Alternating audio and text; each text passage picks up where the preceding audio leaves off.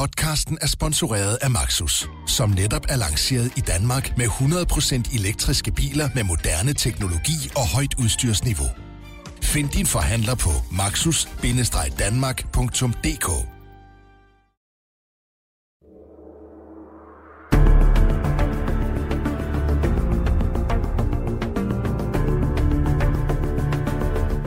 Du lytter til 90 mandater, en podcast fra Berlingske.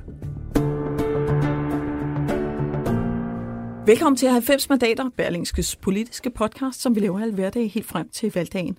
Jeg hedder Nøllebjerg Christensen, og jeg er vært her på programmet, som øh, følger dagens vigtigste begivenheder og udmeldinger i valgkampen og analyserer de store linjer. I dag skal jeg tale med Berlingske samfundsredaktør Bent Winter om dagens middagsanalyse på Berlingske, øh, som handler om de radikale. Øh, og bagefter kommer de radikale kunne hjælpe selv, personificeret ved Martin Lidegaard. Og når der så er over det hele, så er det jo fordi Morten Østergaard i dag har lanceret en økonomisk 2030-plan, og dermed har han også trukket linjerne op for et samarbejde med øh, Socialdemokraterne, og det er både en anderledes udlændingepolitik, men det er også en anderledes og strammere økonomisk politik. Bent Winter, hvis vi lige skal rise Østergaards budskab op her i slutspurten, hvad er så det? Jamen så er det, at, øh, at øh, uenighederne mellem, øh, mellem Socialdemokraterne og Radikale har meget handlet om udlændingepolitikken. Øh, øh, der er sådan forskellige syn på, på, på mange ting, kvoteflygtninge og øh, forholdene på sjælsmark og meget andet. Øh, men det han nu siger, det er, at jamen, det handler ikke kun om udlænding, det handler også om den økonomiske politik. Altså, hvis vi skal bringe Mette Frederiksen til magten som statsminister, så skal vi altså have nogle øh, øh, indrømmelser på øh, øh, den økonomiske politik. Vi er, og, og så siger han, at han er villig til at blokere for, at hun bliver statsminister. Det vil sige, at det ikke bare sådan, at, at øh, de radikale kan altså være imod, øh, øh, og, og så bliver hun da alligevel, altså radikalt vil aktivt mod, modarbejde, at hun, hun bliver statsminister, hvis ikke de får de her indrømmelser. Mm. Men, men det er oplagt, at der på udlændingepolitikken er nogle, nogle store forskelle, og de har jo været ridset op løbende gennem valgkampen, ja i virkeligheden i, i de sidste, sidste år. Men hvor er sådan de substantielle forskelle på de to partier på den økonomiske politik? Jamen det er først og fremmest øh, det, der hedder øh, arbejdsudbuddet, øh, hvor, hvor øh, de radikale siger, jamen, øh, jamen øh, Socialdemokraternes øh, valgkamp og de forslag, der er lagt frem, de trækker øh, arbejdskraft ud af, af, af, af arbejdsmarkedet. Og det kan man sige, vi ved jo, at alle de reformer, der har været, været gennemført de sidste mange år, har gået ud på at øge arbejdsudbuddet. Og så nævner man øh, forskelligt. Der er blandt andet det her paradigmeskifte, der, spørger, der, der, der, der, der kan man sige, tilsiger, at, at flere skal sendes hjem. Øh, og, og så er der den her pensionsreform, øh, tidligere pension, som, som Socialdemokraterne går ind for, øh, for, for, for nedslidte, som sådan set også trækker øh, mennesker ud øh, af arbejdsmarkedet. Og sådan er der, kan man sige, nogle, nogle, nogle, nogle forskellige elementer i den socialdemokratiske politik, som, som, som de radikale vil have, mm. have luet ud i. Så er der selvfølgelig også noget omkring øh, øh, øh, øh, det, det offentlige forbrug og, øh, og, og, og andre ting, hvor, hvor, hvor de radikale og socialdemokraterne ser forskelligt på det. Ja, det kan vi også snakke, snakke øh, videre om øh, lidt senere, men, men det er i hvert fald især på pension og på spørgsmålet om tilvejebranchen af, af udenlandsk arbejdskraft, at der er noget uenighed. Men så skriver du også i middagsanalysen. Hvis ikke den radikale Morten Østergaard reelt er parat til at forhindre Mette Frederiksen i at danne en S-regering, så er hans trusler ikke noget værd. Der er jo også noget taktik i det her, Bent Winter. Hvad mm. mener du med det? Jamen, jeg mener, at, øh, at, at man bliver nødt til, nødt til at kunne se et scenarie for sig, hvor, hvor, hvor de radikale blokerer for, at Mette Frederiksen bliver øh, statsminister. Hvad er det så? Er det, at, at man siger, øh, jamen så peger man på Lars Løkke øh, i stedet for, øh, eller gør ham til statsminister, og han er måske i mellemtiden gået af. Øh, vi ved, at, øh, at der er mange, i hvert fald de radikale, der meget godt kan lide Christian Jensen. Mm-hmm. Øh, bliver Christian Jensen formand? Er der så øh, en, en alliance der? Er det, er det i virkeligheden et forsøg på at bringe øh, Socialdemokratiet og Venstre sammen i, i sådan en SV, SV-regering, en SVR-regering? Ja, det kunne være. Ja. For, for, kunne få et, et R med. Ja, så et eller andet, så, så, så, så det, det, jeg tænker, at det, det er jo blot, at hvis, hvis når man sætter sig til det forhandlingsbord og siger, at vi har de her krav, og de er mere eller mindre ultimative, og vi vil blokere den, din adgang, så skal der også være sådan, at man kan se for sig, hvad er det så, man mhm. truer med. Altså, hvad er det så, øh, Morten Østergaard i virkeligheden øh, siger, at hvis ikke jeg får min vilje, så, så gør jeg det. Og, ja. og, og, og der, der forsvinder det måske lidt i tårerne. Ja, altså bortset fra, at man så i modsætning til enhedslisten og SF, når de tror med det samme, altså lidt bedre trods alt kan se de traditionelle kongemager i de radikale gå over til blå side, men det ændrer jo ikke på, at her kan man få den økonomiske politik, men jo i hvert fald ikke noget, der kommer deres udlændingepolitik tættere.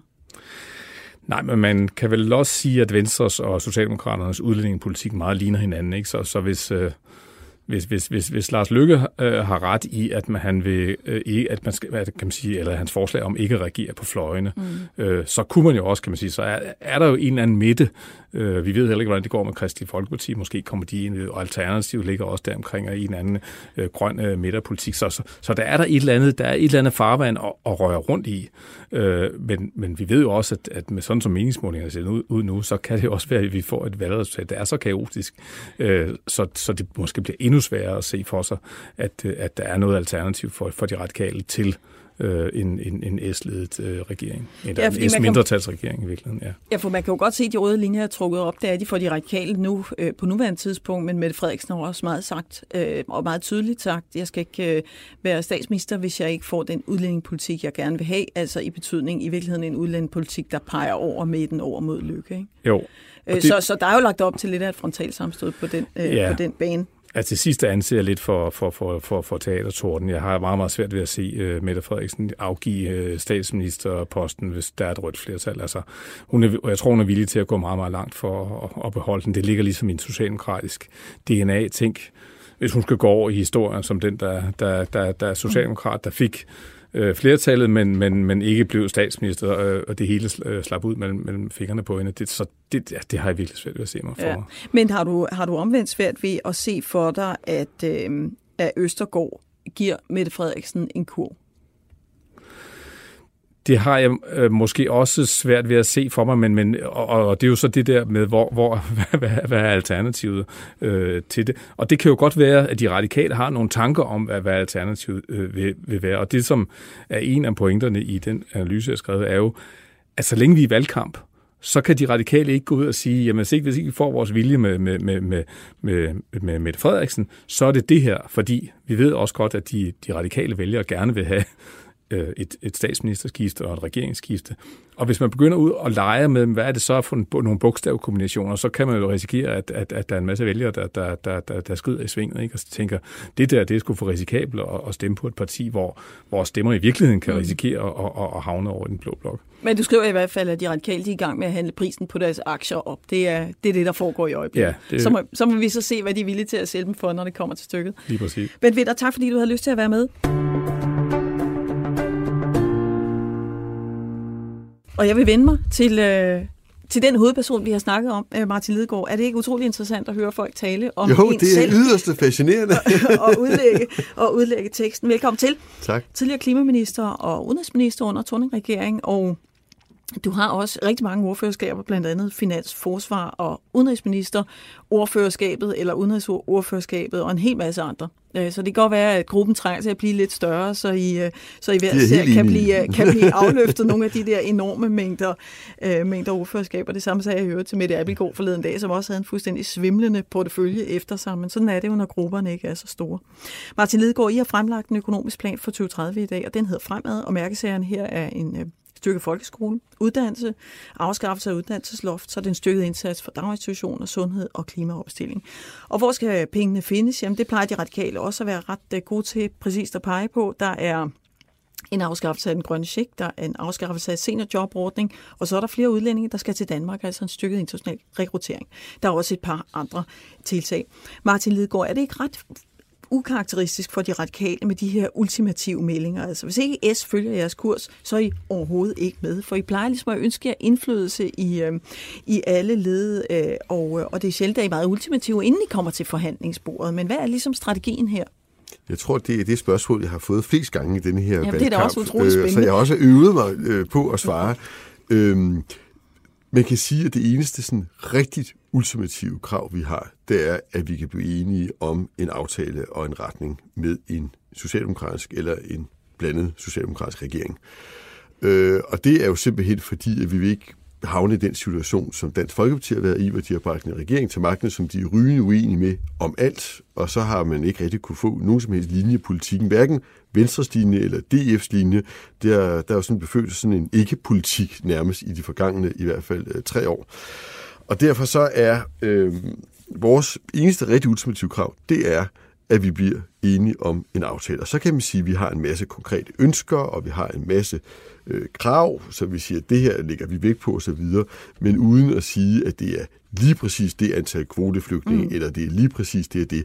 Øh, vi skal kunne se os selv samlet set i det. Men du det siger, at ultimativt krav er at få en aftale. Det er jo ikke, det er jo ikke noget krav. Det er jo, jo, det er bare en aftale. Det, det er, det, det, man kan sige, at en situation, hvor vi ligesom giver en carte blanche til Mette Frederiksen og. Socialdemokratiet siger, så må vi forhandle det, og I må forhandle med forskellige flertal efterhånden, som årene går.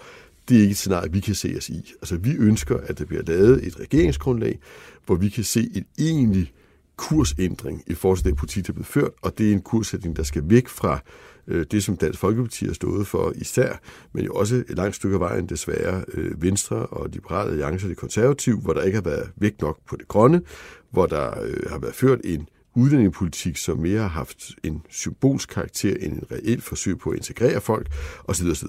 Men jeg synes, du, øh, du lyder meget øh, pragmatisk nu. Altså Østergaard er jo ude i dag i børsen og siger, at han vil ikke vende det døve øre til. Han vil aktivt have, have, øh, have indflydelse på den økonomiske politik, og han kommer ikke til at nikke til en økonomisk politik, som, som, som slår hul i, i statskassen. Og han vil ikke bare vende det døve øre til. Altså, han, han går ud af døren.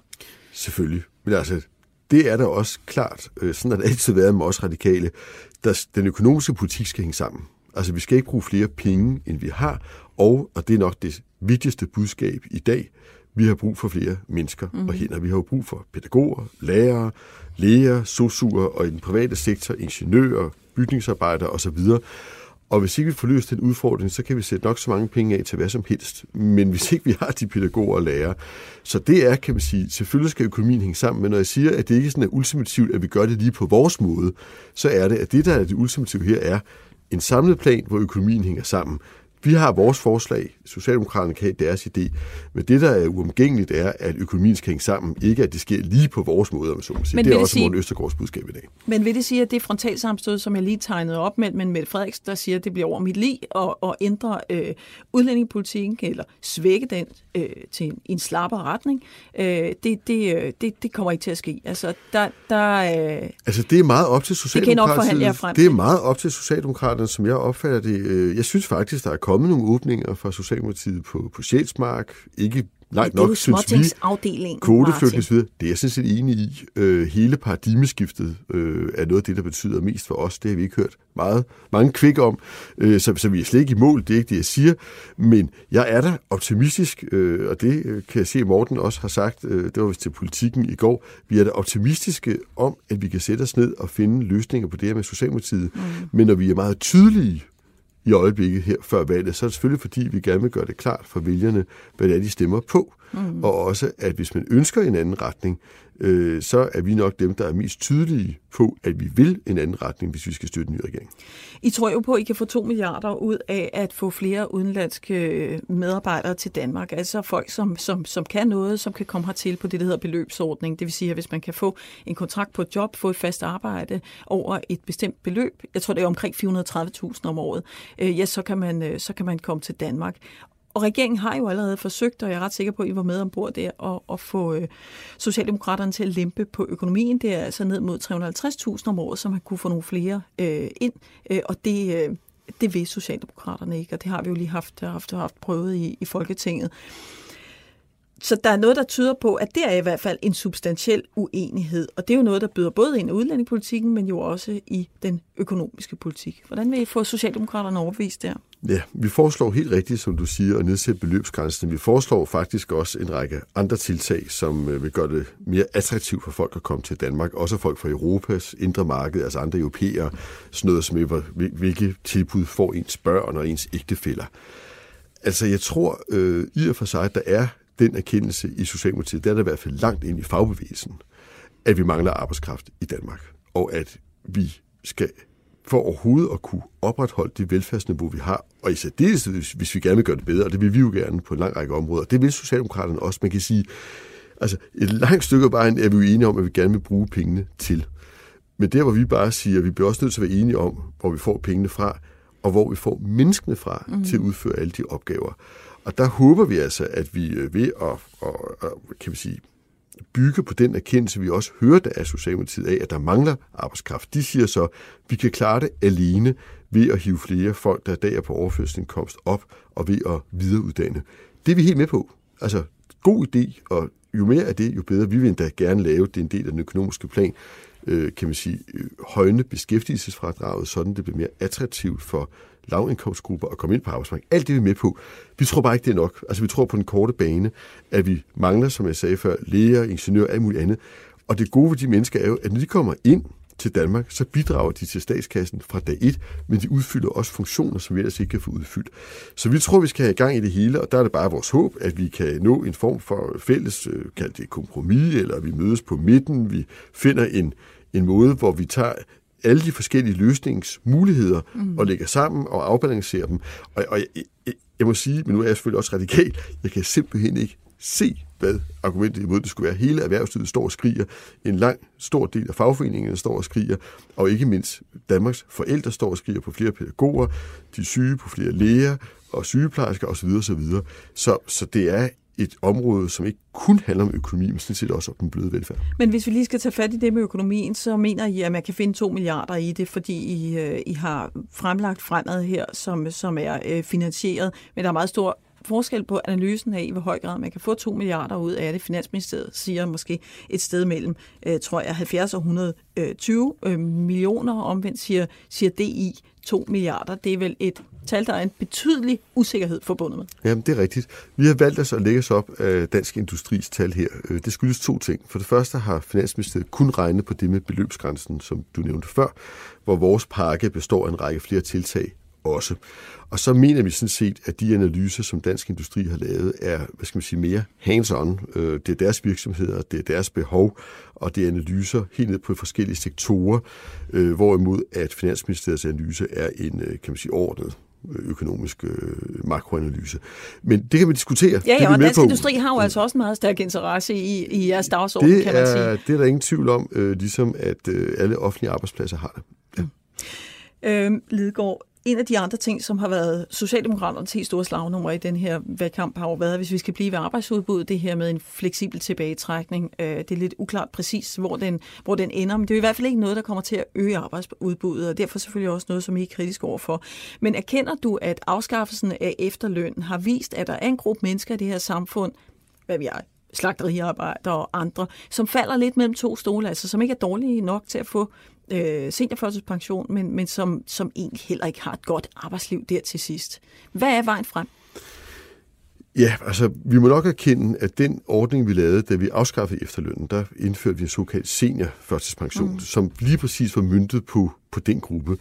Men den er ikke blevet brugt. Øh, det har helt klart været for svært øh, at blive visiteret til den, og det, det tror vi skyldes to ting. Altså det ene er, at man skulle igennem sådan et stort, kan man sige, øh, jobprøvningsforløb i kommunalt regi, og det andet var, at vi stillede jo krav om, at hvis man kunne arbejde bare en dag om ugen, øh, så var man ikke værdig til at komme på den her øh, seniorførtidspension. Det var nok for rigidt eller for mm. firkantet, øh, og det er jo det, vi har ændret med den aftale, vi lavede med regeringen og Dansk Folkeparti lige før, øh, at valget blev udskrevet, hvor vi jo nu siger, jamen altså hvis man øh, ikke kan arbejde to dage om ugen, altså vi fordobler, om man så må sige, øh, den tid, hvor man ikke skal kunne arbejde, og at man skal ikke gennem et stort jobprøvningsforløb. Man kan sådan set gå ned til sin læge og få en lægeerklæring på det, stille og roligt. Og det behøver ikke at være øh, fysisk nedslidning, det kan også være psykisk nedslidning, mm. og det kan være alle kan man sige, faggrupper, der er der. Det, det er jo vores klare forventning, at det vil føre til en betydelig stigning i antallet af seniorer, som vil vælge øh, at få mulighed for at gå på øh, pension seks, nu også seks og ikke mm. fem år mm. tidligere, end de ellers kunne. Og dermed tror vi, vi vil ramme en stor del af den gruppe. Det, vi synes er udfordringen ved Socialdemokratiets model, er jo, jamen lad os nu sige, at vi siger, det er alle folk, der har været 40 år på arbejdsmarkedet, og det er sygeplejersker, og nu siger jeg bare et eller andet, vi har ikke rigtig hørt noget, men altså sygeplejersker eller brolæggere, eller, eller folk, vi ved, der har et, et hårdt arbejde. Mm. Hvad så med HK'ere og lærere, øh, der har stress. Stress er det, den største arbejdsmiljøproblem ja. overhovedet. Ikke? Ja, det er det, der altså, bliver udbetalt. Der bliver udbetalt flere erstatninger, præcis. tror jeg, i dag for psykiske arbejdsmiljøskader ja. end fysisk. Og det viser bare, at hvis vi ligesom laver et A- og B-hold på det danske arbejdsmarked, hvor nogen kvæg den uddannelse, de har eller ikke har, kommer foran i køen, om man så må sige, og så efterlader man en stor gruppe fra nogle andre fagområder, så tror vi altså, at man går fejl i byen. Vi, vi kan ikke se, hvad kommer udenom at skulle lave et mere individuelt orienteret skøn, så alle har mulighed for at få prøvet deres sag, og så gør det langt lettere at få prøvet sin sag. Men Socialdemokraterne har vel heller ikke sagt, at psykisk nedslidning ikke er med i pakken. Altså, det er vel, det er vel der, vi mangler at komme i mål, kan man sige. Ikke? Altså, øh, fordi en, en rigid øh, tidsafgrænsning vil jo, vil jo åbne for, at mange forskellige kan komme... Øh, øh, kan komme i betragtning til, til en tidlig øh, pensionering. Men altså, denne her model, som som I har lagt på banen med regeringen. Hvor meget kommer den til at betyde i forhold til en fuldt indfaset socialdemokratisk model i forhold til arbejdsudbud? Kan man måle de, måle de to løsninger op mod hinanden, hvis I stadigvæk er hvad skal jeg sige, tilhængere af at fastholde et betydeligt arbejdsudbud? Ja, nu må jeg indrømme, at jeg ikke husker lige på, på ryggraden, øh, hvordan øh, arbejdsudbuddet blev beregnet på vores del. Men det er klart, at vores er jo mere håndholdt. Det er også klart, at en stor del af de folk, der nu får lettere ved at komme på seniorpension, de ville måske i stedet for have været på flexjob eller på en anden ordning, hvor de så bare skulle igennem et langt, besværligt, kompliceret forløb. Mm. Og derfor er arbejdsudbudseffekten langt mindre af vores udspil, end det er af det socialdemokratiske udspil dog med det forbehold, at vi stadig ikke kender det socialdemokratiske udspil. Så det kommer selvfølgelig også an på, hvordan man skruer det sammen. Men Finansministeriet har regnet på det ud for de 3 milliarder, der er sat af til det. Ikke? Ja, men det lyder så også som om, at Socialdemokraterne er villige til at forhandle. Altså de siger, at det er jo ikke landet endnu, det skal vi jo først til at finde ud af. Det betyder vel også, at der er et vist der er et vist rum for, øh, for påvirkning øh, fra for eksempel Det, det de håber vi da meget, ligesom det er min opfattelse af Socialdemokratiet, der gerne vil tilslutte sig den aftale, vi har lavet for altså nedslidte, individuelt nedslidte som sådan. Altså det er jo en klar forbedring af mm. deres retstilstand og muligheder for at komme tidligt på pension. Mm. Så jeg har ikke fantasi til andet end at forestille mig, at det ender vi med at være enige om, og så får vi en stor diskussion om, der skal laves sådan nogle generelle ordninger for nogle erhverv og ikke for andre. Det er der, vi har en uenighed, kan man mm. sige. Lad mig lige til sidst spørge dig om det her med afskaffelsen af den grønne check, fordi som jeg også nævnte indledningsvis, så er det jo også en af finansieringskilderne, ikke den, den største, men, øh, men, men en af dem. Øh. Det, det rammer vel lille smule skævt, for det var jo meningen, det skulle kompensere de laveste indkomster for nogle, for nogle øgede skatter og, og afgifter, da den blev da den blev øh, indført. Hvad er jeres interesse i at tage det her, okay, ganske vist relativt lille bidrag fra, øh, fra de dårligt stillede, fordi det er vel sådan en ret skatteforhold i bunden? Da vi indførte den grønne check i sin tid, så var det jo fordi, at øh, PSO'en, altså betaling af den vedvarende energi, som ligger også meget på sinde, øh, men også elafgifterne, blev sat op. Mm. Det gjorde de i 90'erne, og øh, det var ganske dramatisk, kan man sige, og, og ramte dermed, kan man sige, med den tunge ende nedad. Og de seneste to år har vi været enige om, fordi elen nu er blevet grøn, og derfor vil vi gerne have, at folk bruger mere af den, og sænke elafgifterne ganske betydeligt, og helt fjerne PSO'en fra, øh, fra finansloven. Og derfor har vi sagt, at vi indførte jo den, den øh, kan man sige, grønne check, fordi vi hævede elafgifterne og PSO'en. Nu fjerner vi dem så igen, og derfor øh, er det også blevet billigere for de her indkomstgrupper at købe strøm. Og så er det, vi vil bruge pengene på, og det er selvfølgelig, altså sådan er det at være radikalt, der skal, der skal være penge til også at gøre det socialt ansvarligt her. Vi vil jo gerne bruge de penge til 4.000 nye pædagoger, især til de vuggestuer og børnehaver, hvor der er socialt udsatte. Vi vil gerne bruge den til at give flere penge til psykisk syge, altså til alle de sårbare grupper. Og øh, det mener vi altså har en betydelig social effekt, som vi lægger meget stor vægt på. Og så vidt jeg ved, skulle den grønne check have været udfaset i, eller er den vedtaget udfaset i 2025, ikke? Så det er vel en... en det er en, frems, en, en fremskyndelse, en fremskyndelse af, om så sige. Ja, det er, ja. Også, det er også korrekt. Øh, men altså, det er klart, at øh, det er sådan et radikalt lod, at når, man, øh, når vi fremlægger økonomiske planer, som du selv sagde, så, så kommer vi også med finansiering, der tit er upopulær. upopulær. Men, men man må sige, det er også derfor, man ved, at sådan noget som den grønne omstilling, som er noget af det, øh, vi går til valg på den her gang, at vi har pengene til at gøre det. Og det er ikke nogen ligegyldig ting, mm. for det koster en investering. Vi er sikre på, at det er en rigtig god investering, men det koster en investering, og hvis ikke man kan anvise pengene til, hvor de penge skal komme fra, så er det altså svært at få det ambitionsniveau i den grønne omstilling og i de sociale indsatser, som vi mener er bydende nødvendige i dag. Mm.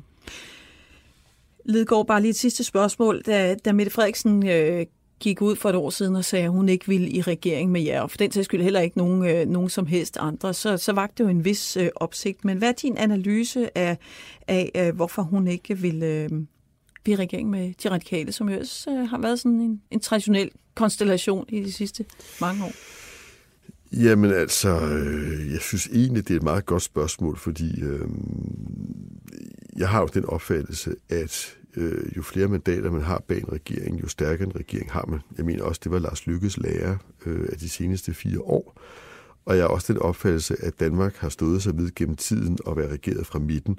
Så jeg skal ikke lægge på, at, øh, at selvom Lars Lykke sikkert havde mange øh, forskellige motiver til at foreslå den SV-regering herunder meningsmålingerne, så kan det jo stadigvæk godt være en god idé.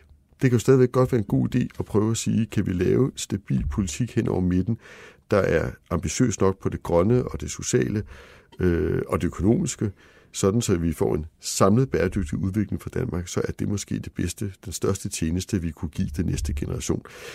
Hvad, hvad Mette Frederiksens motiver øh, har været, skal jeg ikke grænske i, men det er jo helt tydeligt, at hun har haft øh, behov for at lægge afstand øh, til en, en øh, stor uoverensstemmelse på udlændingepolitikken. Øh, jeg mener ikke, den uoverensstemmelse er umulig. Det har vi prøvet før i regering øh, at, at krydse. Øh, og, øh, men, jo, men, men vi er jo enige. Vi ja, er jo enige. Jo, men hvis jeg også lige må komme med en fodnote, så kan det ja. jo også være, at man er, man er belært af, af erfaringen. Altså, I kom til at spænde buen for hårdt, da I indgik i, i, i Torning-regeringen. Altså, man synes, det blev for meget på de radikale præmisser. Spørgsmålet er, om det så bliver ændret, når de radikale står, står uden for regeringen. Men altså, at, at, at I spændte buen for hårdt i forhold til regeringsgrundlaget og forhandlingerne i, i det sorte tårn. Jamen, øh, vi har jo haft også en vis selvrensagelse hos os, for eksempel i forhold til dagpenge, øh, hele dagpengehistorien, øh, hvor vi har sagt, det kan godt være, at vi spændte buen for hårdt der. Så var der andre områder, hvor vi måske synes, at øh, Socialdemokraterne spændte, spændte buen lidt hårdt. Og, øh, og det er jo i hvert fald rigtigt, at vi havde, en, øh, altså, vi havde en ret kontant tone i den gamle regering. Men når jeg kigger tilbage på de fire års øh, SRSF først, og så SR-regering, så mener jeg sådan set, at de fire år blev der gennemført utrolig meget god politik i Danmark. Altså, det er jo de fire år, der har skaffet det kæmpe råderum, vi har i dag til at investere i alt det, vi gerne vil investere i sammen. Det var der, vi fik omlagt det største, bredeste, mest ambitiøse energiforlig i Danmarks historie, der pegede frem mod 100% vedvarende energi. Vi fik løftet utrolig mange ting, endda oven på en krise. Ja, så det var, det var, en hård, det var, det var, det var, det var en hård år, det var et hårdt tone, men det var fantastiske resultater, hvis du spørger mig. Jeg så da gerne en bedre tone i en ny kommende regering, og jeg håber da, at det bliver resultater på et eller andet tidspunkt, men det vigtigste er, og det har det altid været for os selvfølgelig, indholdet af den politik, der bliver Men, men Martin, når du starter med at besvare spørgsmålet ved at sige, at du, at du egentlig gerne ser en SV-regering for dig. Du, du har også skrevet en bog, tror jeg, der hedder på midten. en SV-regering, endnu bedre. ja, ja selvfølgelig. Ja. Du har skrevet en bog, tror jeg, der hedder Vi mødes på midten, eller ja, sådan noget. Ikke? Ja. Øh, så det er klart, det, det, det er jo i den grad en blomst, der er vokset i din have. Men er det så fordi, du tror, at en ren S-regering vil være mere tilbøjelig til både at kigge til højre og venstre? Altså er det den, er det den positive udlægning af, at hun siger, jeg går i byen alene? Jeg, jeg skal bare lige forstå det, for det kan ja, være, jeg ja, ja. Jamen, det er jo fordi, at øh, når det kommer til europapolitikken for eksempel, og når det kommer til den økonomiske politik, så er der ret langt mellem enhedslisten og radikale venstre. Og når det kommer til Dansk Folkeparti på den anden side, så er der altså ret langt til vores udlændingepolitik og vores økonomiske politik, og øvrigt også europapolitikken, når det er DF. Så det er jo indlysende nok, at hvis man er et meget, øh, kan man sige, Europa-positivt parti, der ønsker økonomisk stabilitet, og massive investeringer i det grønne og i det sociale, børn og uddannelse. At så tanken om, at man kan blive enige om det med S og V, herunder finansiering, så det rækker, og så det er stabilt og kan holde i 5, 10, 15, 20 år ude i fremtiden. Det tror jeg er det, der skal til, også for at lave den grønne omstilling, som skal være ambitiøs og ikke skal have zigzag-kurs. Øh, det var i hvert fald erfaring, du ved, på energiområdet. Det er det eneste område, den eneste sektor, hvor vi har været i stand til at lave brede forlig. Det er der, hvor vi er kommet længst. På landbruget, på transporten, der har vi zigzagget alt efter, hvilken regering der kom.